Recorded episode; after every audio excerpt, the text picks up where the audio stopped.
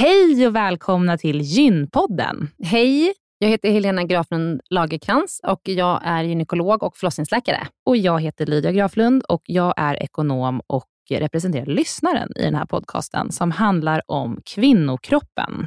Det är vetenskaplig fakta om kvinnokroppen och det du hör i den här podden är det som man kan höra om man får träffa en läkare eller en barnmorska i ett eh, möte. Men ibland så bjuder vi in gäster som berättar om sina personliga erfarenheter och ibland är det också spekulation, men då är det verkligen tydligt att det är spekulation. Annars är grunden för den här podden vetenskaplig fakta om kvinnokroppen. Så är det. Hoppas att ni vill lyssna. Välkomna. Välkomna.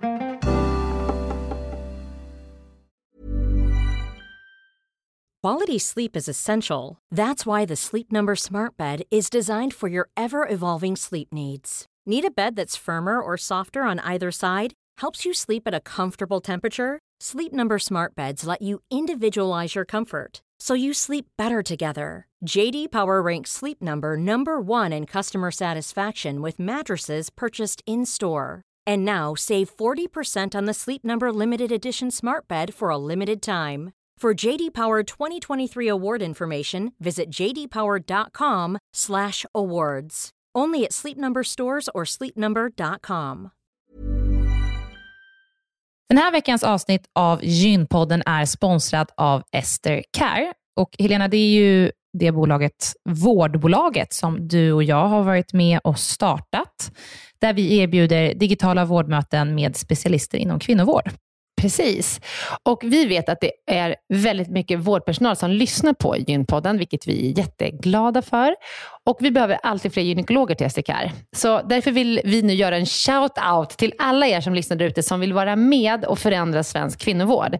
Vi söker specialister inom gynekologi, men också ST-läkare som har kommit en bit in i sin ST och som vill arbeta digitalt eh, med handledning på, hos oss på SDKR. Mm. Och precis som det är för våra patienter som kan söka vård hos oss, det vill säga att de kan bo vart som helst i landet eftersom vi är digitala. Om man laddar ner appen och så bokar man ett vårdmöte, så kan ju även läkaren bo vart som helst i landet eller flytta under tiden man jobbar hos oss. Det är ju väldigt, väldigt flexibelt eftersom eh, man jobbar hemifrån. Och Jag tänker att det måste ju också vara helt underbart att som läkare kunna arbeta hemifrån och planera sin egen tid några dagar i veckan. Ja, verkligen. Och samtidigt vara med och förändra kvinnovården med kollegor som är otroligt drivna och engagerade. Det är jätteroligt att jobba på SDKR. Och jag tycker att det här är en häftig grej som vi gör just nu, att vi erbjuder gyn, äh, gynvård i hela landet. Och vilka är de vanligaste patientmötena du tar, Helena? Ja, men det är ju klimakteriet, eh, PMS, eh, mensbesvär. Och det är ju såklart ärenden och eh, diagnoser som går att hantera digitalt. Men vi remitterar också vidare när det behövs mm. Eh, och tar labbprover när det behövs mm. och så vidare. Mm. Så gå in på sdcare.com, klicka på jobba hos oss i menyn för att läsa mer och skicka in en ansökan. Tack så mycket. Tack och välkomna. Hej och välkomna till Gympodden. Hej. Helena, vad ska vi prata om idag? Idag ska vi prata om eh, lite, lite olika saker, men med fokus på vad som händer med våra medsystrar i Iran. Ja.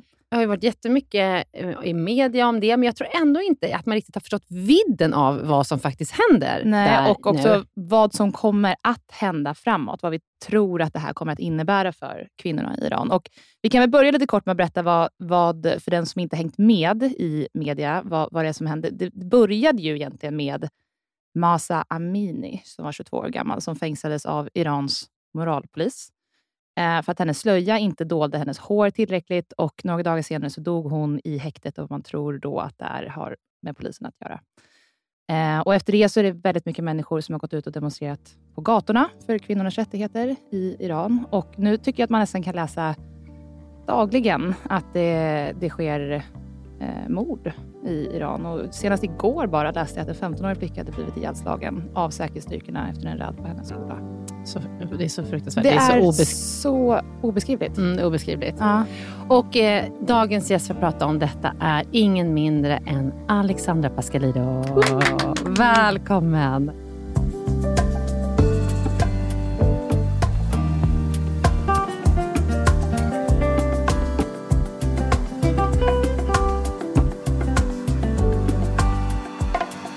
Men Alexandra, du är uppvuxen med din mormor Sofia.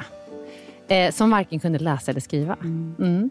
Och sen som sexåring flyttade du med din familj till Rinkeby. Och eh, Du är ju nu eh, journalist, du har vunnit jättemycket priser, du är författare, du är tv-personlighet, du har gjort dokumentärer, du är human rights-aktivist och du är ordförande i UN Women Sweden. Eh, vill du börja med att berätta vad UN, UN Women Sweden är för någonting? Tack så mycket för att jag får den frågan. Eh, UN står ju för United Nations, det är alltså FN. Och Det är en ganska ny organisation, för vi vet ju att FN har så Unicef, och UNHCR och UNDP, andra avdelningar som arbetar med barns rättigheter och så vidare. Alltså med mänskliga rättigheter. Och eh, För kanske ett tiotal år sedan, för ja, kanske elva år sedan, så instiftades även ett jämställdhetsorgan Ehm, eh, i, i, inom FN. Alltså en organisation som ska arbeta för att stödja och stärka kvinnors och flickors position, eh, rättigheter och friheter runt om i världen. Och Den här organisationen eh, skapades också i Sverige för några år sedan och jag eh, fick eh, den här väldigt hedrande och ärande förfrågan i, nej, eh, i eh, våras, kanske mars, april. Jag tackade nej, för jag känner så här, jag har i hela mitt liv jobbat så hårt gratis, ideellt, som volontär på kvinnojourer, för kvinna till kvinna, för eh, mentor, med massa olika de här frågorna som jag brinner för. Och jag måste säga att jag är helt slut. Ehm, och Som kulturarbetare och frilansande utan någon fast lön eller fasta uppdrag och i en total ovisshet under pandemin, eh, och en eh, ekonomiskt turbulent tid, så är det tufft. Mm. Och Jag tänker också, eftersom ni gör en podd som heter Gynpodden, att vi ser väldigt många kvinnor som brinner och engagerar sig och ägnar alldeles för mycket tid, skulle jag säga. säga egentligen inte för mycket tid, men ägnar väldigt mycket tid åt att göra den här världen bättre och, och eh, skapa bättre förutsättningar för människor. Väldigt många av de kvinnorna är också utbrända. Mm. De blir helt slut. Och då inte minst mammorna som nattvandrar om nätterna. Mm. Helt ensamma, utan skyddsvästar, utan vapen, mm. utan att kunna försvarstekniker i områden som av vissa kallas för no-go zones. Mm. Så det var en väldigt lång omväg. Förlåt mig. Men du tackade ändå ja efter ett tag, eftersom nu är du ordförande. Precis, jag tackade ja till slut. För Jag tänkte så här, okay, man måste, alltså det är vår plikt under den här korta eh, liksom, tiden vi har på den här jorden att göra vårt bästa. Då tänkte jag så här, jag ägnar kanske ett år eller ett par år åt att, för det jag är väldigt svag för, och, eller svag kanske var fel ordval, men det jag tycker är så viktigt med UN Women just, det är att man arbetar globalt. Mm. Att man arbetar internationellt. Att det är väldigt inkluderande. Att det inte bara handlar om eh, kvinnors utsatthet i Sverige, som jag tycker är otroligt viktig, men att man också ser att allt det här hänger ihop. Mm. Um, jag tycker att kvinnorna, som ni också vill tala om idag, kvinnornas situation i Iran, men också Afghanistan som vi inte får glömma. Det pågår ett folkmord mot mm. hazarer. Mm.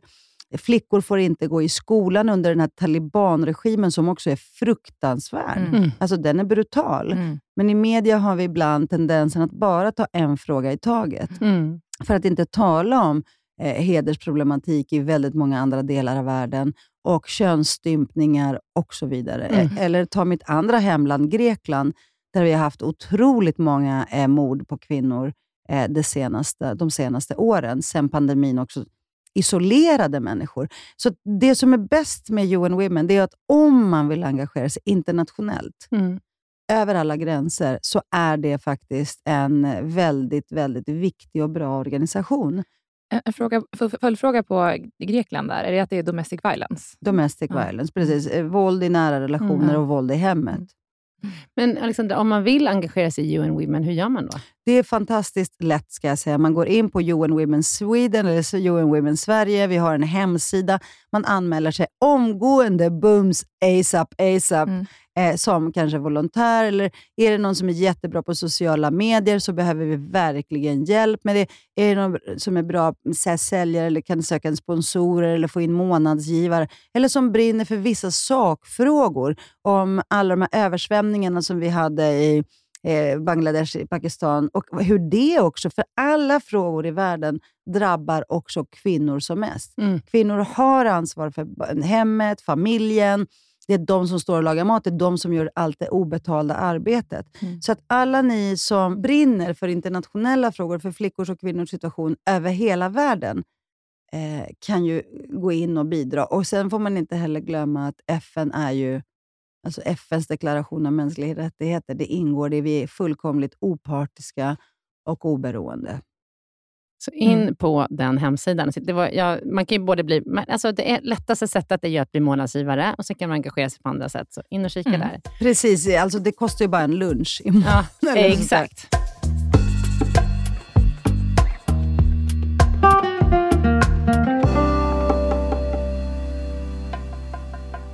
Jag tänkte att vi ska prata om Iran snart. Men jag tänkte bara lite, du har en väldigt intressant bakgrund tycker jag. Du är som sagt då, född i Bukarest, dock grek. Och eh, flyttade som sexåring till Sverige. Men som treåring så får man läsa om att du vinkar hej då till din mamma. Det är väldigt gripande när man läser det. För att hon skulle åka iväg och jobba någon annanstans. Och du växte upp med din mormor. Hur var din, liksom, dina första år? Jag skriver ganska mycket om det här i bland annat Bortom mammas gata. Att jag tror att så här i efterhand, om jag amatörpsykologiserar, eh, om man vågar ta sig den rätten inför en doktor här, du får försöka. så, så tror jag att eh, alla de här brustna banden eh, och, och de, eh, ja, alla de här brustna banden, alla dessa farväl, att mamma lämnar i en liksom, blåa buss och åker till en garnfabrik tre timmar bort och bara tar med sig min lilla syster som råkar vara så mullig och gosig och rosa skimrande färg och lockar och jag är jag har järnbrist och jag är... Ni vet, alltså jag, är, ja, jag ser ut som ett litet benrangel helt enkelt. Och jag lämnas kvar i den här byn och känner mig otroligt besviken, än idag, på min syster. Mm. att hon fick följa med. Men sen blir ju min mormor min mamma. Och min berättelse är egentligen inte unik. För fattiga kvinnor har överallt i världen tvingats lämna sina barn. Mm. För att försörja sina barn och sina mödrar och sina familjer. Mm. Och Väldigt ofta så ser vi ensamma kvinnor vars män har blivit alkoholiserade. Alltså jag brukar prata väldigt ofta med städerskor, bland annat i Grekland, så från Georgien, från Filippinerna, från alla möjliga länder. Och Det första de gör, det är att de visar bilder på sina barn som är kvar hemma. Mm. Så det jag var med om var egentligen inte unikt bland fattiga människor. Men efter tre år hos min mormor, analfabeten, som blir min största, eh, första modersgestalt som jag börjar prata med och så vidare, så kommer min mamma och hämtar mig plötsligt mm. och sliter mig loss ur min andra mammas famn. Förstår ni? Mm. Och då kommer vi till Sverige. Så, vi så tar din, mormor föl, din mormor följde inte med till Sverige? Absolut inte. Min mormor hade... Nej, gud nej. Hon var ju kvar i den här gudsförgätna byn med min morfar som höll på att dö i cancer. Vi hade inte ens råd att ta honom till doktorn. Så, och, och, Jag visste inte hur länge vi skulle stanna i Sverige. Och nu sitter jag här, 45 mm. år senare. Mm. um, så det och hur, varför hänt. blev det just Sverige? Sverige blev det för att jag hade min faster här, som bodde i Norrköping och jobbade i en gummifabrik. Och blev, hon blev rekryterad som arbetskraftsinvandrare. Och hon berättade helt overkliga historier att det fanns jobb här mm. och att det mm. fanns eh, förskolor. Så berättade hon att statsministern, han gick på gatan som en helt vanlig människa och demonstrerade mot diktaturer. Mm. Mot diktaturen i Grekland, där vi bodde, mot diktaturen i Chile. Och vi tänkte, det kan ju inte vara sant. Mm. Mm. Och så kom vi hit och det var på Olof Palmes tid. Mm. Var din pappa med? Ja, men vi fick inte stanna. Vi var gömda flyktingar i två och ett halvt år. För Vi kom eh, 75, när, precis när Sverige stängde gränserna. Så då bodde vi i en liten studentlägenhet i Rinkeby och pappa lämnade landet i två och ett halvt år. För det var lättare för en mamma att få, en ensam mamma att mm. få stanna i Sverige. Mm. Så det mm. var så vi gjorde. Så, jag, så då brast banden ännu en gång och jag längtade efter min pappa i nästan tre år. Mm. Och Sen kom han tillbaka och som jag skriver i Bortom mammas gata, den här första boken, så kände jag inte honom. För min mm. pappa hade varit gästarbetare i Tyskland och gjort lumpen och jag var bortlämnad. Så jag kände nog inte de här människorna riktigt. Nej. Förstår ni? Mm. Men... Eh, hur, var de, hur var de första två åren? I Sverige eller mm. i mitt liv? I Sverige. Jag var... Det knackade på dörren, eller ringde på dörren. Det var poliser som ville kasta ut oss ur landet. Mm. Vi var utvisningshotade. Och Sen så hamnade vi i tidningen, i Expressen, 1976. Flyktingfamiljen, nytt flyktingöde i Sverige. Och Då var det vi som var på bild och mm. skulle bli utvisade. Och Det kom en Expressen-reporter som givetvis inte kunde grekiska och vi kunde inte svenska.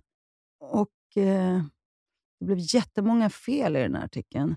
Men sen var vi ännu mer livrädda, för då var vi med i tidningen också. Men ledde den till? Påverkade den på något äh, sätt? Då stack min pappa. Mm. Då var det liksom någon eh, flyktingadvokat som var, eh, som var eh, någon fantastisk människa som hjälpte människor. Vi hade ju ingenting att återvända till. Vi hade bränt alla våra pengar på att ta tåget hit ungefär. Eh, då var det någon som sa lämna familjen. Så min pappa tog eh, ett arbete på en båt som åkte världen runt. En oljetanker som hette Ithaki Sailor, som Odysseus eh, hemö. Eh, och så började jag i Sveriges första hemspråksklass när jag var sju år Mm. och eh, växte upp i den här lilla gre- grekiska invandrarbubblan där i Rinkeby. Och det var ju otroligt tryggt och mysigt och jag avundades de barnen som hade uppehållstillstånd och hade pappor såklart. När fick ni det då? Vi fick det två och ett halvt år senare Okej. ungefär. Mm. Det tog tid. Mm. Men vi väntade på det jämt och vi trodde att vi skulle bli utvisade. Det där har ju präglat mig. Mm. Alltså jag känner mig ständigt så att när som helst tror jag att någon kommer knacka på dörren och säga så här, du, nu måste du åka hem. Mm. Nu kastar vi ut dig. Och Jag får ju också sånt väldigt mycket på sociala medier. Eh, att folk säger så här, åk hem. Mm. Åk hem efter 45 år. Vilket känns väldigt sorgligt. Liksom. Mm. Ehm, Är det mera sådana politiska vindar nu, tycker du? mycket värre än någonsin. Alltså Mm. Jag levde ju också på 90-talet när det fanns löpsedlar i Expressen som hette Kör ut dem. Mm. och under Lasermannen. Och, Mm. alltså jag, har ju, och, och jag var med i Ungdom mot rasism och representerade Sverige i Europarådets eh, antirasistiska kampanjer och så vidare. Och Vi var livrädda att gå ut. Mm. Och, och det, Vi kunde inte gå till Gamla stan för där hängde skinnskallar, nazister. Och Jag har ju haft nazister utanför dörren och nazister har kommit när jag gör föreläsningar. Och Nu så ser man plötsligt att det är helt rumsrent att vara rasistisk Mm. och säga precis vad som helst. Och Vi ser att det också är helt normaliserat att enbart säga väldigt, väldigt, vara väldigt kritisk mot alla människor från världens alla hörn. Det vill säga alla invandrare och flyktingar. Vi är alla främmande och skrämmande. Vi är liksom, ägnar oss åt vandel och vi är bördor och parasiter och problem. Mm. Jag får aldrig höra att det är faktiskt vi som bär upp det här landet och våra föräldrar som städar, jobbar inom vården. Det vet du också som är läkare, hur många undersköterskor och läkare som finns. Mm.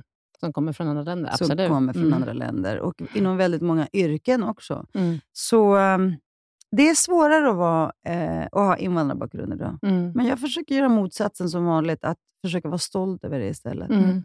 Men jag döljer inte att jag vill fly härifrån varje dag. Gud vad hemskt. Att du vill Men- lämna Sverige. Varje dag. Mm. Men jag är inte ensam. Jag pratar Men- med jättemånga människor som känner exakt samma sak. De säger, de ringer mig och säger att vi måste flytta härifrån. Ja.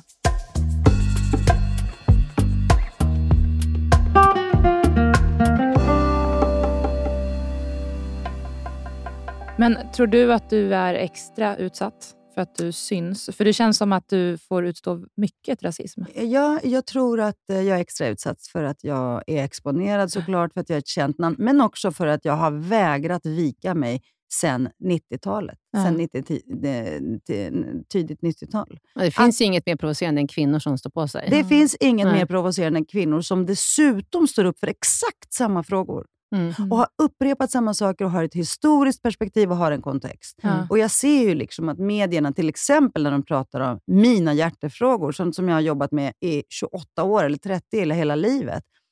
Eh, till exempel segregation, migration, marginalisering, utanförskap, våld, kriminalitet. Alltså numera blir man ju inte ens inbjuden. Hade man varit man så hade man ju blivit Leif GW Persson. Ja, ja, då hade du varit Mm, mm, experten i mm. sammanhanget som har suttit där och uttalat dig, för du har jobbat med det här i 30 år. Precis, Ja. men, men som kvinna är det helt annorlunda. Och På samma sätt så ser vi också kvinnliga makthavare och politiker, eller kvinnor som överhuvudtaget sticker ut, Mm. att de får också enormt mycket hat och hot. Annie Lööf Ja, jag inte tänker på minst. Annie Lööf nu. Precis, Mm. precis. För att inte tala om de mord vi har haft. Men Anna Lind Mm. eh, nu i Almedalen och så Mm. vidare. Ja. Ja. Ja, det, det är mycket som händer och som man kan prata om som är här i Sverige. Så, så men- vi skulle kunna Mm, prata om länge. Och, jag, nej, precis, och det jag tänker, Ja. jag, jag är ändå väldigt tacksam att ni tar upp det här, därför att det är därför vi måste kämpa. Mm. Och Det är därför vi måste samlas. Och om det nu är under UN Women's paraply, under ett FN-paraply, eller under eh, någon annan förening eller organisation, eller kvinnojourer som tar hand om eh, Terrafem till exempel, invandrare och flyktingkvinnor. Alltså var som helst så måste vi nu organisera oss och stärka varandra, uppmuntra varandra och försöka sprida lite hopp till de som kommer efter, Mm. till de yngre. Och Det tycker jag är så viktigt. Så att jag kan ju sitta här och just idag var ganska ledsen faktiskt. Mm, mm. Just idag tycker jag att det här, allting är tungt. Men, men jag har ju jättebra dagar när jag Mm. jätte, eh, älskar att uppmuntra, och peppa, och coacha och inspirationsföreläsa för människor. Hur man inte får ge upp.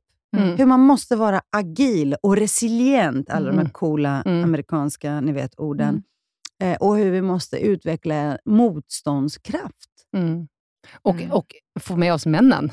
Det kan ju inte De vara, allierade. ja, de det ska allierade. inte bara vara vi Men hur- kvinnor som kämpar för det här. Alla måste hur, kämpa för det här. eh, Hur känner du i såna här tider? Jag kan eh, ju såklart inte relatera till det, liksom din historia och det du genomlider, men om man ser till vad som händer i världen, och nu ska vi också komma in på Iran, Mm. det känns som att det går bakåt Mm. just nu. Att vi ändå så här, vi, har, vi hade kommit det- en bit. Ja, Mm. men, ja, men Iran, inte det, men jag Mm, menar att de blir mördade. Och jag menar att i Afghanistan och abortlagen i USA, det som händer i Sverige just nu.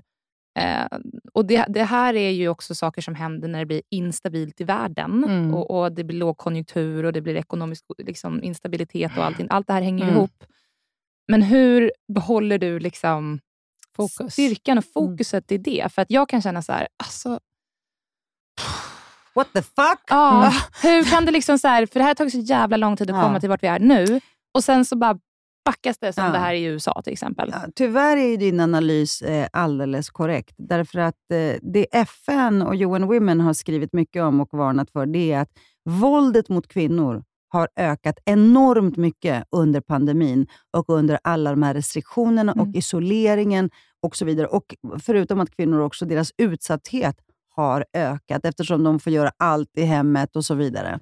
Eh, och Jag tänker att du, du har också korrekt i att du ser en reträtt. Det är en internationell reträtt. Mm. Alltså vi har ju till och med i ett av världens mest jämställda länder, Sverige, då har jag ändå turnerat för Nordiska ministerrådet med min bok MeToo, som var världens första MeToo-bok med 82 vittnesmål. Och jag är ju väldigt stolt över att bo i Norden, den mest jämställda regionen i världen. Men till och med i Sverige har vi folk som ifrågasätter aborträtten Mm. och kvinnors rätt till sina egna kroppar. Och Den här reträtten har vi också sett går hand i hand med högerextremism och fascism, som till exempel har brett ut sig i Ungern, i Polen och andra länder där det första man på något sätt eh, drar in på, det är just kvinnors rättigheter. Vi såg också Turkiet som drar, drar sig undan Istanbulkonventionen, eh, där kvinnor demonstrerar också blev misshandlade. Mm. Det minns ni, det var inte alls så länge sedan, efter mordet på en eh, ung student. Eh, så det finns ju, det här ser vi överallt Mm. och det är helt fruktansvärt.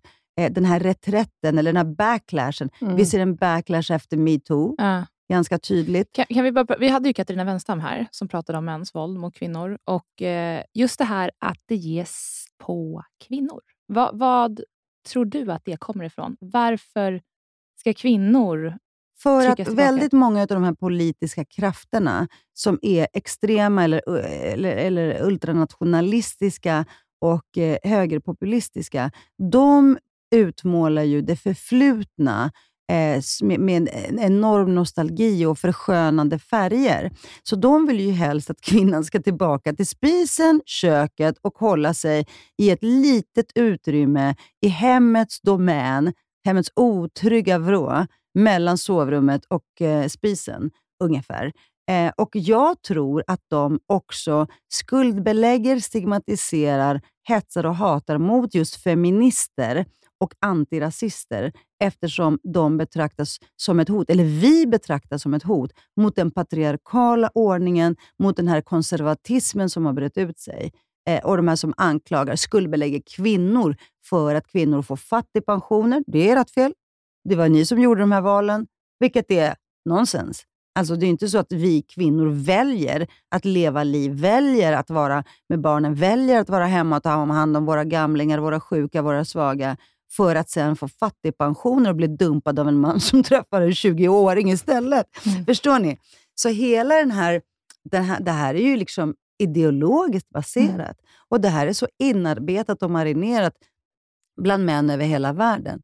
Sen finns det otroliga glädje eh, och ljuspunkter. Att det finns män som har börjat fatta. Mm. Att det finns jättemånga underbara, fantastiska män eh, som är feminister. Mm. Eller som förstår att inte det är hotfullt att vi är feminister, utan förstår att det enda vi kräver, behöver, ber om, det är en jämställd mm. värld. Mm. En värld utan orättvisor. Mm. En värld där jag har rätt att besluta eh, och bestämma över min egen kropp. Att min kropp inte är ett verktyg för männen att bruka och missbruka och misshandla som de vill. Mm. mm. Att jag får klä mig precis hur jag vill utan att bli ifrågasatt i rättegångar eller av islamistiska och kristna fundamentalister. Mm. Selling a little or a lot? Shopify helps you do your thing however you cha-ching. Shopify is the global commerce platform that helps you sell at every stage of your business. From the launch your online shop stage to the first real life store stage, all the way to the did we just hit a million orders stage. Shopify is there to help you grow. Shopify helps you turn browsers into buyers with the internet's best converting checkout. 36% better on average compared to other leading commerce platforms because businesses that grow grow with Shopify. Get a $1 per month trial period at Shopify.com slash work. Shopify.com slash work. If you're struggling to lose weight, you've probably heard about weight loss medications like Wigovi or Zepbound, and you might be wondering if they're right for you. Meet PlushCare, a leading telehealth provider with doctors who are there for you day and night to partner with you in your weight loss journey. If you qualify, they can safely prescribe you medication from the comfort of your own home. To get started, visit plushcare.com slash weight loss. That's plushcare.com slash weight loss. plushcare.com slash weight loss. Veckans avsnitt av Gynpodden är sponsrat av mittpreventivmedel.se som är en informationssida från Bayer. Mm. Jättebra informationssida. Eh, den, den är full av information och material för att du på bästa sätt ska kunna välja vilken preventivmedelsmetod som passar dig allra, allra bäst. Mm. Och Det vi tänkte prata om idag det är att det finns något som heter samtalsguide mm. på den här sidan. Mm. Och Det är ett formulär där man har, får en massa frågor, till exempel så här, att komma ihåg att ta med preventivmedel dagligen är inget problem för mig, eller ibland svårt, mm. eller inte min grej. Mm. Eller eh, om jag blev gravid nu och så vidare. Liksom. Så att man får kryssa i en massa frågor och ta ställning och fundera innan mm. du träffar din gynekolog eller barnmorska, så att du liksom verkligen får med alla frågor som är viktiga för dig i det där mötet. Ja. Så man kan fylla i den på den här hemsidan, så kan man skriva ut den här blanketten och ta med den. Ja. Jag skulle säga att, att det verkar som att det är framförallt fyra kategorier som mm. är väldigt viktiga. Sen, mm. så, sen så spelar det ju in vad du har tagit innan och hur det funkat för dig och, mm. så där, och din historik. Men det verkar ju som att det handlar mycket om hur liksom ordningsam man är, eller hur strukturerad man är, att kunna ta någonting dagligen. Mm. Eh, hur viktigt det är att man inte blir gravid. Eh, användning av hormonella preventivmedel eh, och om man vill påverka sin menstruation på något sätt. Så mm. det verkar som att det är de fyra kategorierna som man, man bör fundera på innan man väljer ett preventivmedel man får bra guidning i hur man ska svara på de här, eh, med olika kategorier, och olika svar. Och Sen så tar man med sig det till sitt möte med barnmorska och gynekolog och då är man väl förberedd. Mm. Och Jag lovar er att om ni gör det här innan ni går eh, till en barnmorska eller gynekolog, då kommer ni få mycket bättre hjälp. För att det här är liksom ingenting som bara finns i en, utan man måste liksom fundera lite på ja. så här, vad är viktigt för mig. Vill jag ha mens eller inte? Ja. Och så vidare. Så att, gå in på mittpreventivmedel.se och titta runt där och gör den här eh, ja, samtals, samtalsguiden. Samtalsguiden. Tack Bayer för att ni har utvecklat denna braiga sida om ja, preventivmedel. Den är otroligt bra. Mm. Tack så jättemycket. Tack.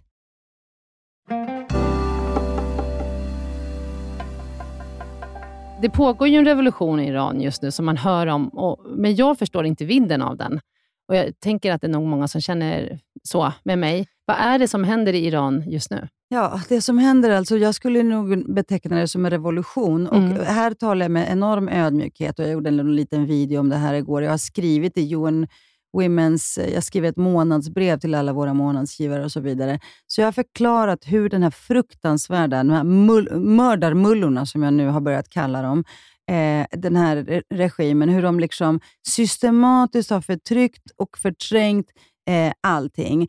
Hur de har, har mm, eh, kränkt kvinnors rättigheter väldigt länge. Hur de har förbjudit flickor från sju år uppåt att existera utan slöjor. Hur de har liksom dolt kvinnor, försökt radera dem ur offentligheten på det sättet. När hände det här? För så här har det inte alltid varit i Iran, eller hur? Nej, men det, är, det här har ju pågått de senaste 40 åren, skulle jag vilja säga. men innan det så var det ju inte så här, eller hur? Nej, precis. Men det var ju precis. Men det där, ja, men det är en annan historia. Men jag tänkte Mm. om vi ska ko- fokusera på det som händer nu. Vi har ju sett det här i flera år, att de fängslar oppositionen. Det är därför vi har en sån enormt stor iransk diaspora i Sverige. Väldigt många svenskperser som bor här och många är ju dessutom väldigt framgångsrika, för de var akademiker i sina länder och hade, var högt uppsatta. Och de eh, lämnade sitt land. De flydde ifrån just den här regimen och har fortsatt sin kamp bortom landets gränser. Och Det är de som också idag upplyser oss om vad som händer. Alltså jag lyssnar med enorm behållning på eh, Dr. Mona, ni vet Esmail Sade, på Shiman Yavarani. Ja, men det finns så många grymma, eh, tunga eh, iransk-svenska liksom, systrar som rapporterar om det här. Men det vi har sett är att i många år så har kvinnor eh, fängslats. De har piskats. Alltså, vi snackar om 2022. Alltså, de har rätt, den här moralpolisen, den så kallade omoraliska moralpolisen, de har alltså rätt att piska kvinnor om de har för korta byxor, för korta kjolar eller visar lite för många hårslingor. Vilket är helt... Alltså det är så beklämmande så jag, jag, jag finner inte längre några ord.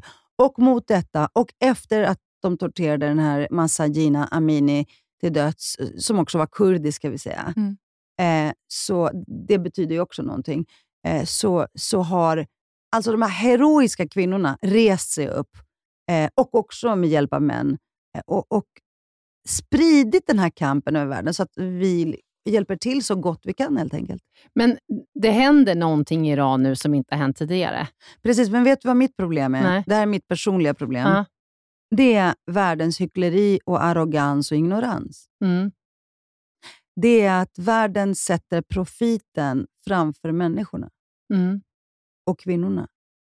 Det betyder att jag tycker att till exempel att vi överhuvudtaget inte ska handla med diktaturer i Sverige. Nej. Att vi inte ska exportera vapen, exportera oavsett vad det nu är. Att vi inte ska handla och, och bedriva affärsverksamhet med diktaturer.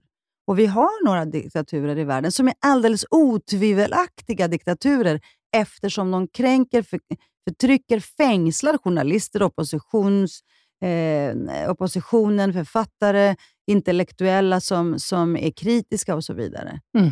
Och det bara, och Tänk om världen bara kunde sluta samarbeta med dem. Mm. Även om de har olja, Mm. även om de har jag vet inte, kaviar eller vad de nu... Förstår ni?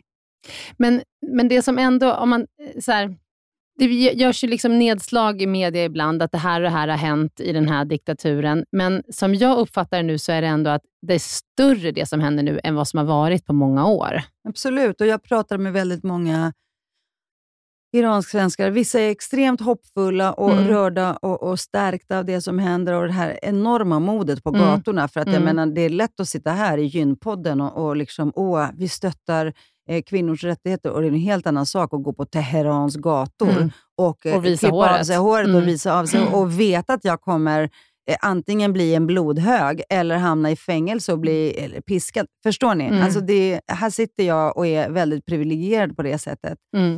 Eh, men, men, och Sen har jag också människor som är desillusionerade, som har Mm. kämpat så länge för mänskliga rättigheter i Iran och yttrandefriheten och tryckfriheten och allt detta. Och menar också att vi får så mycket desinformation. De är inte alls hoppfulla. De säger så här, den här islamistiska regimen, den här mulla, de är så starka så att det kommer liksom, till slut kommer man bara slå ner allt motstånd. Jag hoppas att de får fel.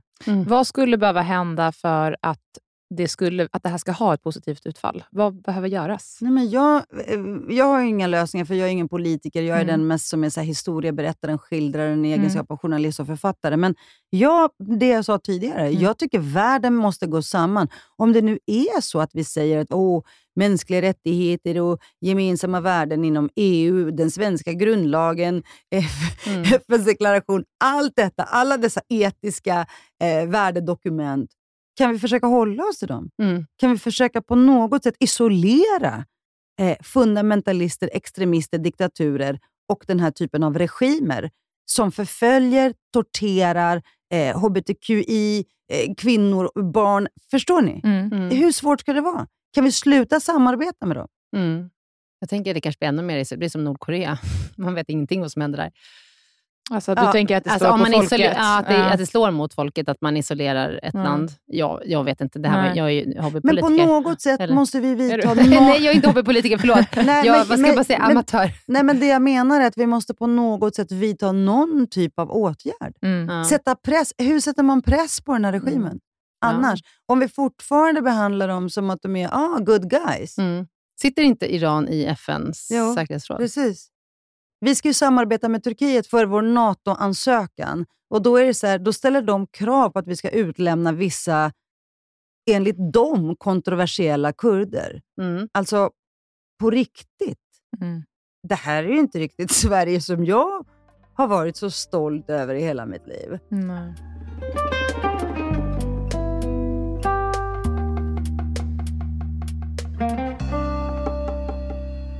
Alexandra, du har skrivit en bok som heter Mammorna. Den kom ju för ganska många år sedan nu, så att det är säkert många som har hunnit läsa den. Men kan inte du berätta ändå vad den handlar om? Den kom 2018, men jag har jobbat med den här frågan sedan 2015 när jag skrev en stor artikel i Dagens Nyheter om tre mammor i Sveriges fattigaste förorter, mest stigmatiserade, så kallade no-go zone som vissa väljer att kalla dem. Och, och Det var en mamma som hade förlorat, som, hennes son Robin, 15 år gammal, blev skjuten mitt på dagen utanför porten och hennes andra son som blev skjuten överlevde, men blev förlamad för livet. Och, eh, och, och sen en mamma i, i Rosengård och en i Hammarkullen.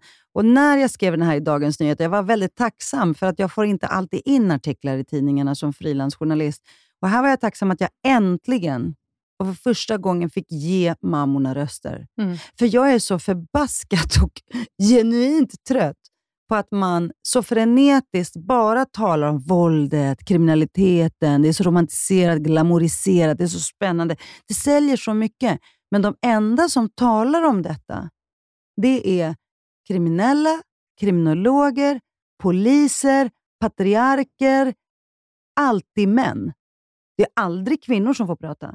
Och Vi ser att väldigt många av de som har förlorat sina barn, och många som har förlorat barn i fängelser, i, i kriminalitet, i knark, också är ensamma mammor Mm.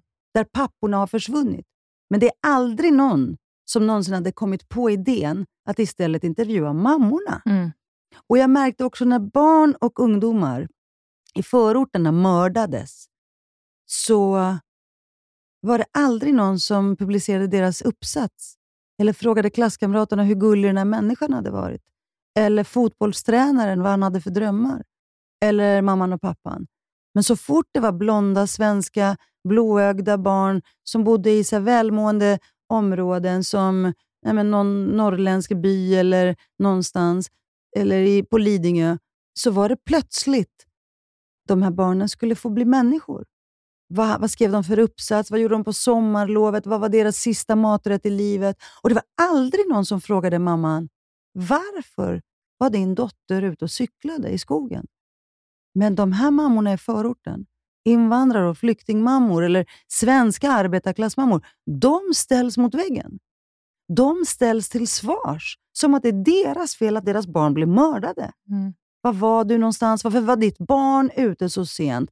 Hur har du, har du verkligen uppfostrat ditt barn? Har du verkligen gjort ditt bästa? Och så vidare. Mm. Och Jag såg en sån tydlig diskrepans.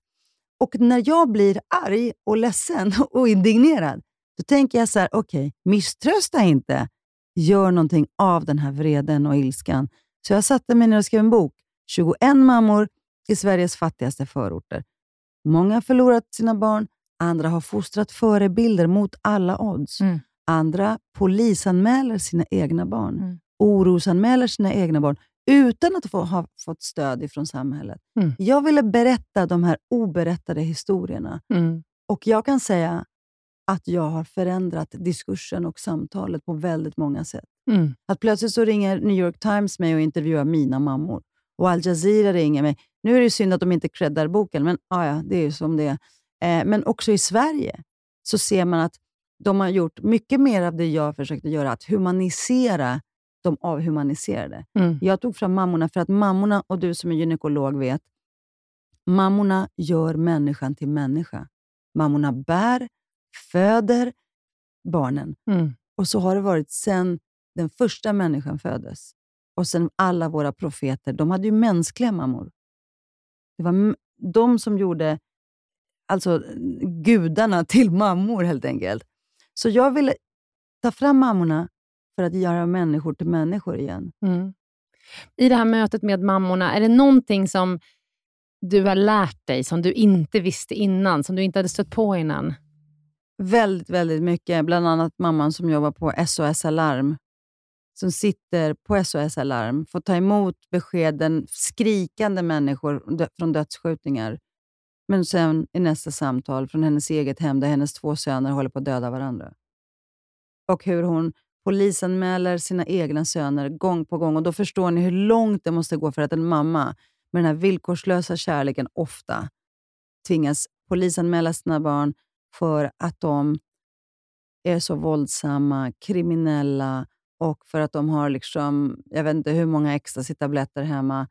Och polisen kommer och släpper dem efter en timme. Vad händer sen? Ingenting ändå, de fortsätter vara kriminella. Så att jag får ju hört, fått, fått höra enormt många berättelser om allt ifrån polisbrutalitet till att polisen kanske, jag vet inte om de inte, de inte har resurser, men polisens oförmåga att hantera den här eh, brottsligheten. Mammor som har förlorat sina barn och ser förundersökningarna och de här fallen bli nedlagda efter tio månader. Mm. Nedlagda. Alltså upplösningsstatistiken när det gäller de här morden är väldigt, väldigt låg. Och Sverige är ju värst i Europa. Alltså vi har flest dödsskjutningar bland unga människor i hela Europa. Mm. Har det blivit så de, de senaste åren, eller har det sett ut så här? Ja, det har blivit så här sedan 90-talet och då Mm. kan man alla fråga sig här, eh, vad är det som har förändrats? Och Den enklaste förklaringen, och den som väldigt många använder och plockar politiska poäng på, det är att säga att det är invandrarna. Men vi vet internationellt och från forskningen att det handlar inte om att vara invandrare. Vi är inte, det är inte vårt blod som är brottsligare. Vi vet att det är sociala omständigheter och förutsättningar som gör brottslingar. Och Man undrar ju också varför folk vill sitta på Östermalm eller vad det nu är, mitt i city. Vi vet ju alla att folk begår enormt mycket brott och våld mot kvinnor förekommer i alla samhällsklasser. Mm. Men Så svenska män de föds alltså inte med brottsligheten i blodet. Förstår ni vad jag menar? Mm. Medan alla vi andra gör det. Mm. Men det är bara att titta på hur det ser ut i de här förorterna. Mm. Vad som, det finns inte BUP, tillgång till BUP. De får vänta på utredningar, de här mammorna, i flera, flera år. De slår larm, de får inga resurser och ingen hjälp. Det är enormt stor skillnad på skolorna. Alltså där brister ju likvärdigheten. Alltså det finns så mycket som man kan tala om där segregationen, klyftorna, också föranleder en frustration, en vanmakt och väldigt många killar som rycker på axlarna och säger så här, fuck it, Mm. jag har ingenting kvar att förlora. Nej. Gud, nu kommer jag på det viktigaste. Mm. Tramadol. Mm. De knaprar tramadol som de blandar med annan typ av knark. Vet ni vilka som skriver ut tramadol? Läkare? Ja, precis. Det är läkare som skriver ut tramadol. De knaprar tramadol, det är jättestort. Alla de här som skjuter varandra, som är som zombies. Vad är tramadol för? Varför Trama- skriver man ut det? Tramadol är ett beroendeframkallande läkemedel, så man blir väldigt känsloavstängd. Mm. Men är det för de- mot depressioner? Nej, det, typ, eller? eh, det är... Mot eh, smärtor ja, och smärtor allt möjligt. framförallt och, lite, och jag tror att man blir lite lugnad av det också Det nu. som Men lugnande. framförallt ges det som smärt, smärtmedicin. Men man blir väldigt avstängd. Liksom. Avtrubbad? Avtrubbad. Mm. Så, att man, så att det har jag läst många gånger att man, de, att man ger tramadol till de här unga pojkarna som ska begå sina första brott, för att det, det känns inte lika jobbigt då.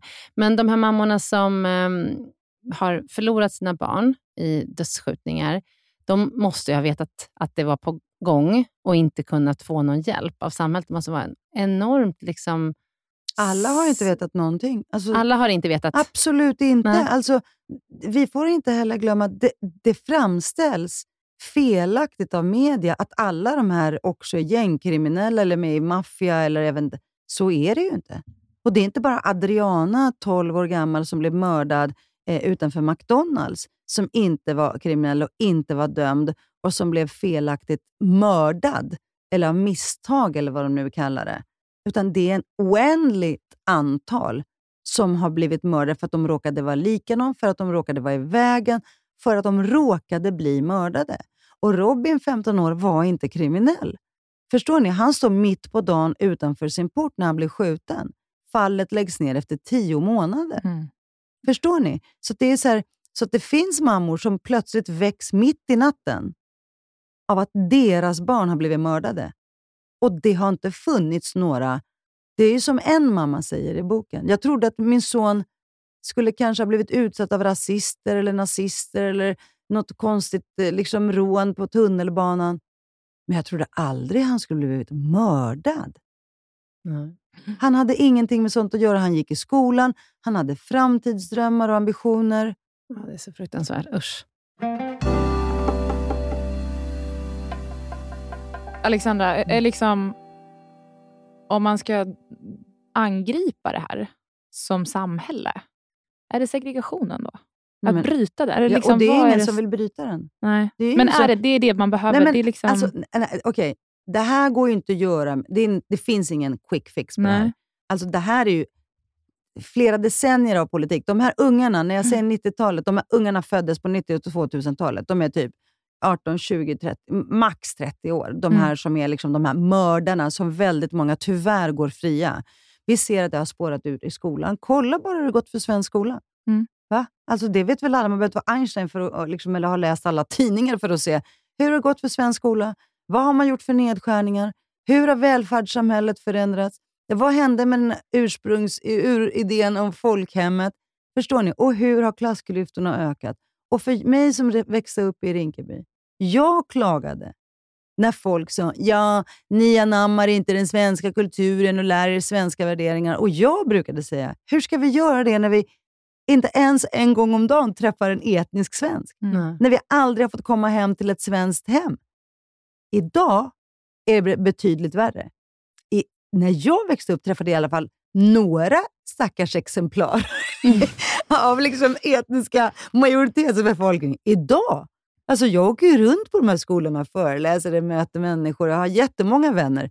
Alltså det finns hela skolor utan en endaste som har farmor som heter Agda, farfar som heter Gunnar eller Jörgen eller någonting sånt. Förstår ni? Mm. mm. Och Det sjuka är att även sådana mammor, jag har en mamma som heter Marita i boken, hon be behandlas ju som en blatte. Fast hon är svensk, heter Fredriksson, en, hela hennes släkt är liksom från så svenska socknar. Men hon behandlas ju bara för att hon bodde i en förort. Så det är nästan som att förorten och de andras syn på förorten, att bara om du bor där så blir du per automatik blattifierad. Mm. Mm. Och det är talande. Men det är klass. Mm. Och ingen vill längre tala om klass. Nej. Arbetarklassen, förstår Men... ni? Vad händer med dem? Vad får de för... Hur rustas de? Och vad händer med alla vapen på den här fria marknaden? Mm. Och vad händer med kriminaliteten? Och vad har vi för beredskap? Så jag tror absolut repressiva åtgärder, absolut flera, flera poliser.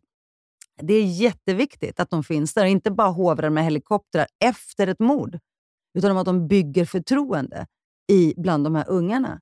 Men det krävs saker på så många nivåer. Alltså BUP, öppna BUP-mottagningar. Vet ni hur många barn och mammor, och kvinnor och män är, som är traumatiserade för att de har sett alldeles för många blodpölar i förorterna.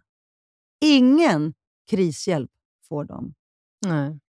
Man skulle behöva börja på BVC, alltså barnavårdscentralen. Mm. Det ja. gjordes ju ett projekt på BVC där man Eh, för människor som kommer från andra kulturer har lite mera eh, sådär att man är inte så strikt med socker. I Sverige får man inte äta socker. Man får absolut inte ge barn socker, det vet man ju. Och om någon ger en tvååring ett glas saft, så sitter ju alla andra föräldrar oj, dricker saft.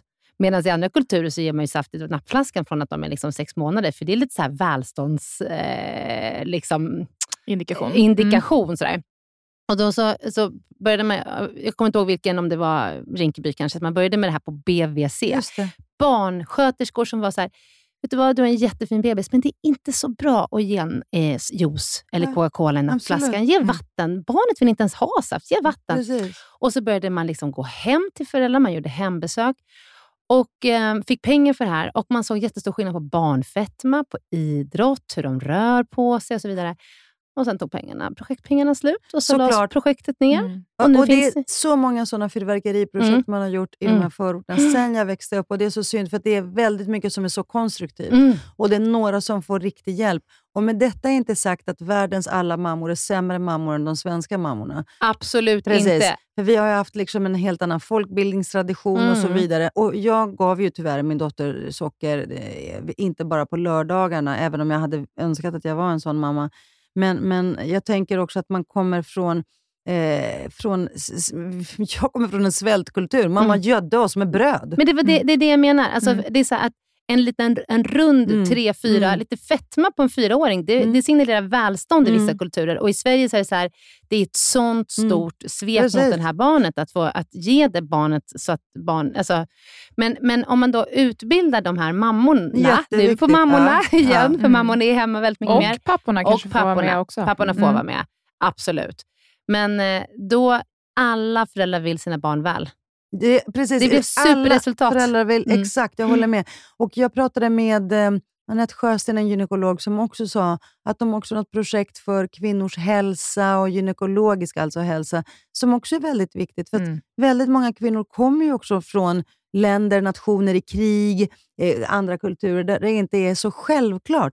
Och går också och vi kvinnor, vi har på något sätt, vi, i synnerhet vi som kommer från andra kulturer, utgår ifrån att det gör ont att vara kvinna på olika sätt. Mm. Att man mm. går runt och, och har ont eller liksom inte ska klaga och inte springa till gynekologen så fort det är någonting som kanske känns märkligt. Det här är ju eh, vår hjärtefråga. Ja, mm. och, och också klimakteriebesvär. Jaha, med lite vallningar, mm. vad fan, det är väl ingenting att bry sig om.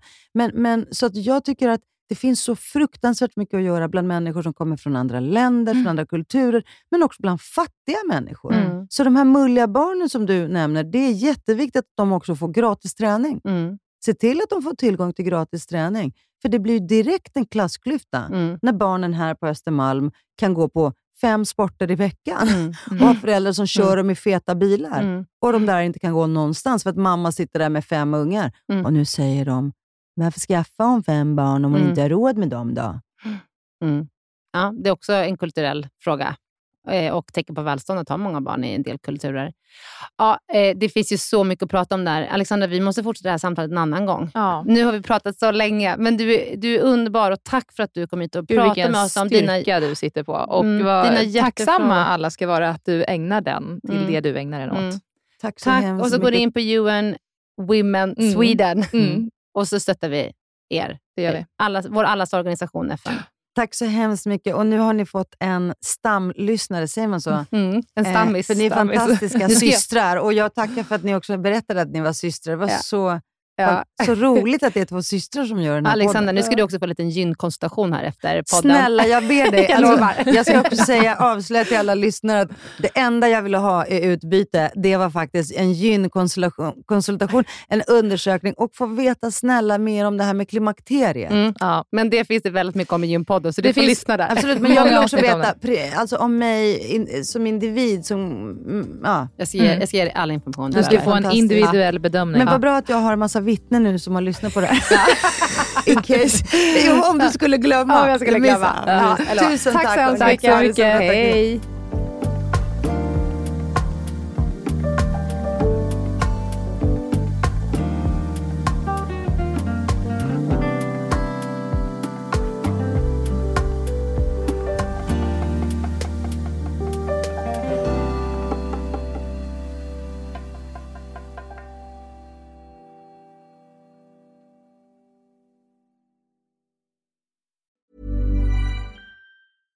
Even when we're on a budget, we still deserve nice things.